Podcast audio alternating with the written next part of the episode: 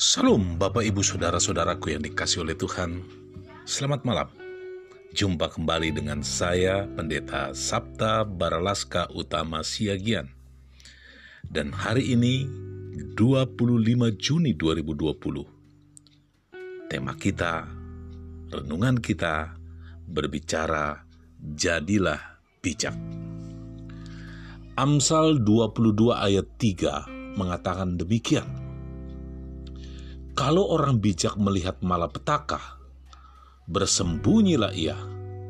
Tetapi orang yang tak berpengalaman berjalan terus, lalu kena celaka. Ibu bapak saudara-saudaraku, dalam Amsal 22 ayat 3 ini, sering kita dengarkan dan sering ayat ini disampaikan berkaitan dengan peristiwa COVID-19. Karena ada Bapak Ibu Saudara-saudaraku orang yang tidak bijak, merasa paling rohani, merasa paling beriman, protokol kesehatan diabaikan seakan-akan Tuhan berpihak kepada mereka, seakan-akan Dia yang rohani, yang lain tidak. Banyak kejadian seperti itu Bapak Ibu Saudara-saudaraku. Di Korea Selatan ada seorang pendeta yang mengumpulkan jemaat di saat pandemi COVID-19. Alhasil apa yang terjadi? Jemaat di tempat itu banyak yang terpapar terkena virus COVID-19. Kenapa pendetanya mengatakan orang beriman pasti dilindungi oleh Tuhan dan yang terjadi mereka terpapar virus corona. Artinya pendeta itu tidak bijak. Orang bijak atau hikmah atau hokmah dalam perjanjian lama erat kaitannya dengan orang yang takut akan Tuhan ada tertulis dalam Amsal 9 ayat 10 Permulaan hikmat adalah takut akan Tuhan dan mengenal Yang Maha Kudus adalah pengertian. Jadi orang yang bijak adalah orang yang takut akan Tuhan.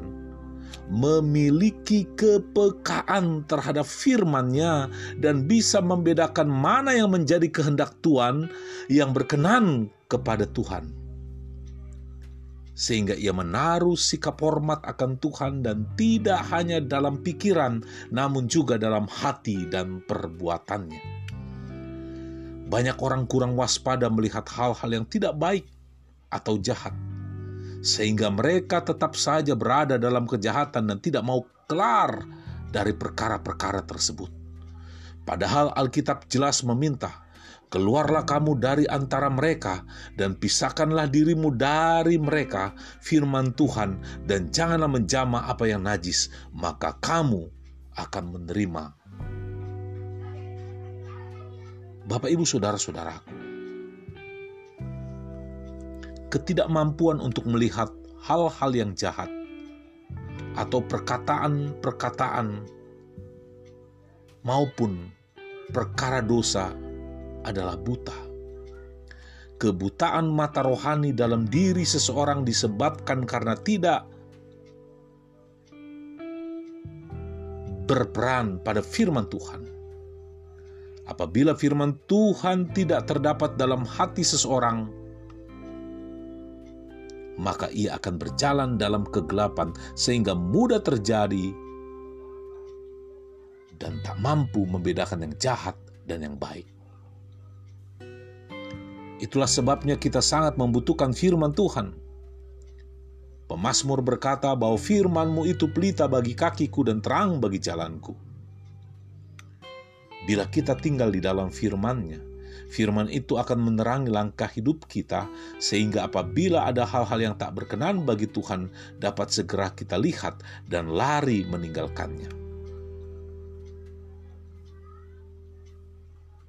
Sebagai contoh, Jika di dalam lingkungan pergaulan kita melihat adanya kejahatan dan kebiasaan-kebiasaan buruk yang menuju kepada dosa, kita harus mengambil langkah untuk menjauh dan keluar dari pergaulan itu. Karena apabila kita tetap bertahan di tempat itu, kita akan mudah terjerat atau terperangkap untuk melakukan perbuatan-perbuatan yang sama. Firman Tuhan secara tegas memperingatkan kita Janganlah kamu sesat. Pergaulan yang buruk merusak kebiasaan yang baik. 1 Korintus 15 ayat 33. Untuk itu Bapak Ibu Saudara-saudaraku, pada malam hari ini firman Tuhan menyapa kita, jadilah bijak. Selamat malam, selamat beristirahat. Shalom.